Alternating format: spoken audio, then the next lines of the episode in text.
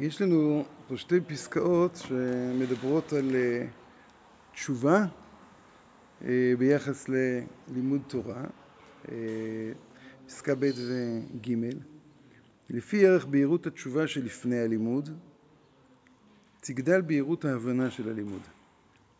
השכל מתרומם על פי יסוד התרוממות הרצון והוא יתבהר לפי המידה של בהירות הרצון. ואחרי זה כתוב תשובה עילה, תשובה עליונה, שבאה מאהבה גדולה ומתוך הכרה ברורה, מעלה את כל התוכן הלימודי למדרגה של הפריה ונביאה כזאת שאין דוגמתה בשום תוכן לימודי מצד עצמו. יש פה, אה, כן, אה, שני עניינים ב, בלימוד ותשובה. יש את המושג בהירות, בהירות ההבנה, שהיא תלויה בבהירות התשובה. הוא מיד מסביר איך זה עובד, כן? אבל קודם ננסה להבין מה זה בהירות. אחרי זה יש לנו הפריה, וזה למדרגה של תשובה מיוחדת. יש לנו בתשובה, בדרך כלל יש, מדברים בכמה מדרגות של תשובה, בדרך כלל מחלקים את זה לתשובה מיראה ותשובה מאהבה. תשובה מיראה זה התשובה הנמוכה, והתשובה מאהבה זה התשובה העליונה, כן? זה אהבה גדולה. התשובה הרגילה, כן? קודם כל, כל תשובה יוצרת בהירות. יוצרת תמונה בהירה יותר. הבהירות היא מאוד קשורה למה שראינו בפסקה א', היא על העדינות, ההתעדנות.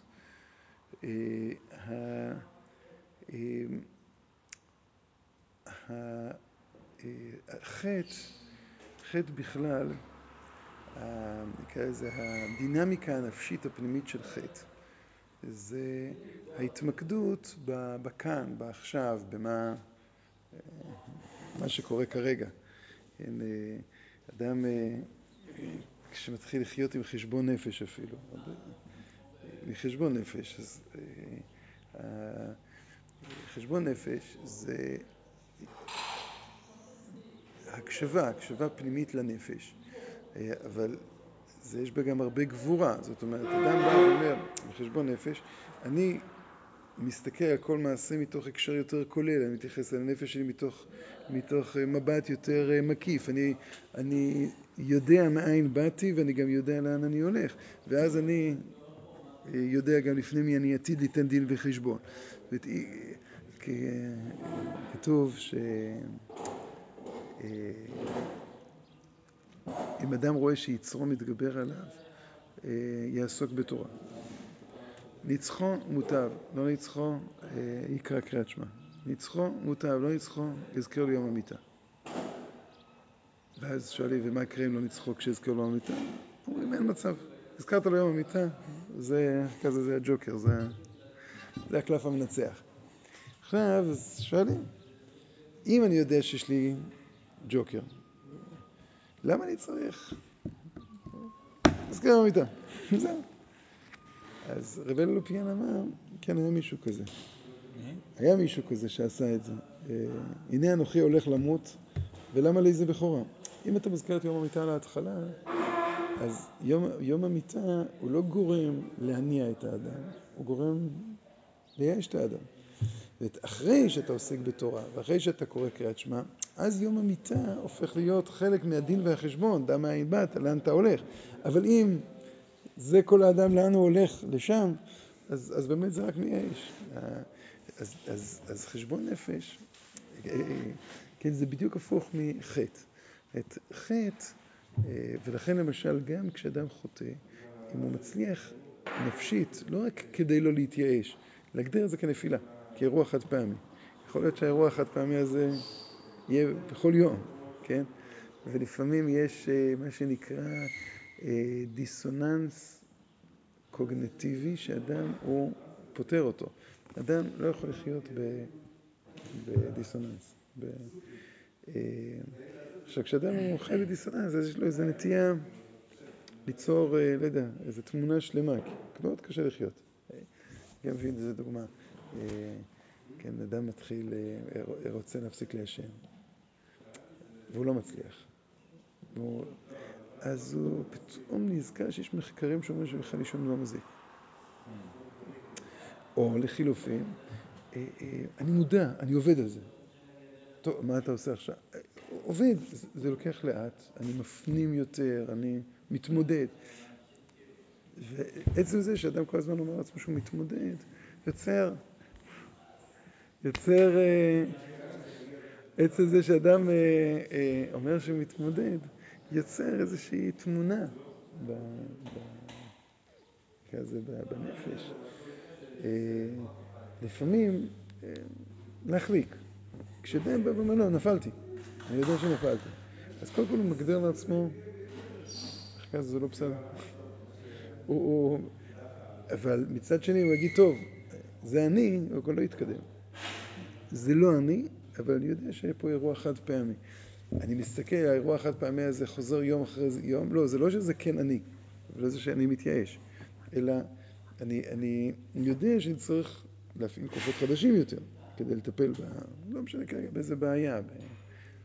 יכול להיות קימה בבוקר, לא משנה, זה... זה, זה אה, אמ, אז, אז בעצם מה, מה עושה חטא? חטא הוא יוצר מצב שבו, יוצר מצב כפול. אני רואה את החלק, ולכן אני חוטא. אני מתעלם מאין באתי, מתעלם לאן אני הולך. אני חי רק מקטע קטן של החיים. וזה מה שעושה יצר הרע. ואת יצר הרע בא ואומר לאדם, הנה, העצמיות הכי גדולה שלך היא מונחת פה. אתה, אה, אם אתה נכנע לכל מיני הקשרים, אתה מאבד את, ה, את האני שלך. אה, צדק, צדק, צדק, הנה אתה. ותשובה אה, היא בדיוק הפוך. תשובה היא, היא מזקיקה את האדם למבט עוד יותר עמוק מקודם. כי תשובה קודם כל נותנת לאדם מבט שלם. אתה טוב, אתה נהדר, אתה, אתה יכול להתקדם, אתה יכול להתפתח.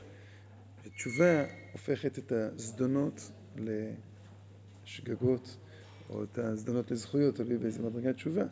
כלומר, התשובה היא צריכה לתת מבט בהיר כל כך, לא רק מכאן ולהבא, אלא גם על העבר. ולא רק על העבר באופן כאילו, הפשוט שלו, וידוי, שאני מתחרט על העבר, אני תוהה, אני בא ואומר, אני לא, לא אשוב לזה החטא לעולם. אלא צריך להגיד, רמת התודעה שחייתי בה קודם, שנכנעתי ליצר, זה רמה של תודעה שהיא מאוד מאוד חלקית. לכן זה נקרא שוגג. כלומר, עכשיו שהתקדמתי, אני מסתכל ואומר, אני אז חשבתי שאני בוחר, אז אני חשבתי שאני עושה, אז אני חשבתי שאני מודע. לא הייתי מודע. טוב, תשובה מאהבה היא מכריחה את האדם למבט עוד יותר עמוק. כלומר, לא רק לתפוס את ההקשר, אפשר לקרוא לזה במערכות הנכון של הדבר. כן, זה, זה שוגג. הקשר נכון, זה אומר, הנה, חשבתי שאני מודע, אני לא הייתי מודע. עכשיו, איך אני יודע שלא הייתי מודע? עובדה שכרגע אני מתחרט. עובדה שכרגע אני לא רוצה לחזור לזה אחרת לעולם. על גבי החרטה ועל גבי זה שאדם לא יחזור לזה אחרת לעולם, הוא בא ואומר, הנה, יש פה איזשהו כוח ש... אפשר לקרוא לזה, שגרם לי עיוורון. אה, מה זה הכוח הזה שגרם לי עיוורון? הכוח הזה שגרם לי עיוורון שבגללו חטאתי, אה, הוא איזשהו, אה, נקרא לזה, חוסר, חוסר, אפשר לקרוא לזה בשיווי משקל הנפשי. איך נסביר את זה? כאדם, יש עוד, נקרא לזה, עוד נקודה שבגללה האדם חוטא. אמרנו שאדם חוטא זה הרגשה של העצמיות שלו. אדם חוטא זה ההתעלמות שלו מכל, מכל המסביב. אבל יש עוד משהו שגורם לאדם לחטוא. זה איזשהו חוסר, אפשר לקרוא לזה איזון בנפש שלו. כמו שלמשל ניקח דוגמה. אה, אדם, אה, לא, לא, לא, לא חטא, אבל. אה, אדם שהוא בדיכאון. הוא מרגיש הרבה פעמים איזה סוג של, חוסר השלמה פנימית, כן? מתח, מתח יוצר, שמתח יוצר לאדם תחוש, כן, של רעבון. הוא לא מצליח לתת לזה שם, אז מה קורה? הוא אוכל שוקולד. עכשיו כשהוא אוכל שוקולד, זה לא באמת פותר לו את בעיית המתח. זה זה כאילו מענה של רגע, שבכאילו אני פתרתי. זאת אומרת, אני, אני מרגיש שיש משהו שאפשר לקרוא, זה לא מאוזן אצלי. במקום לקרוא לו בשם אמיתי, אני קורא לו בשם חלקי.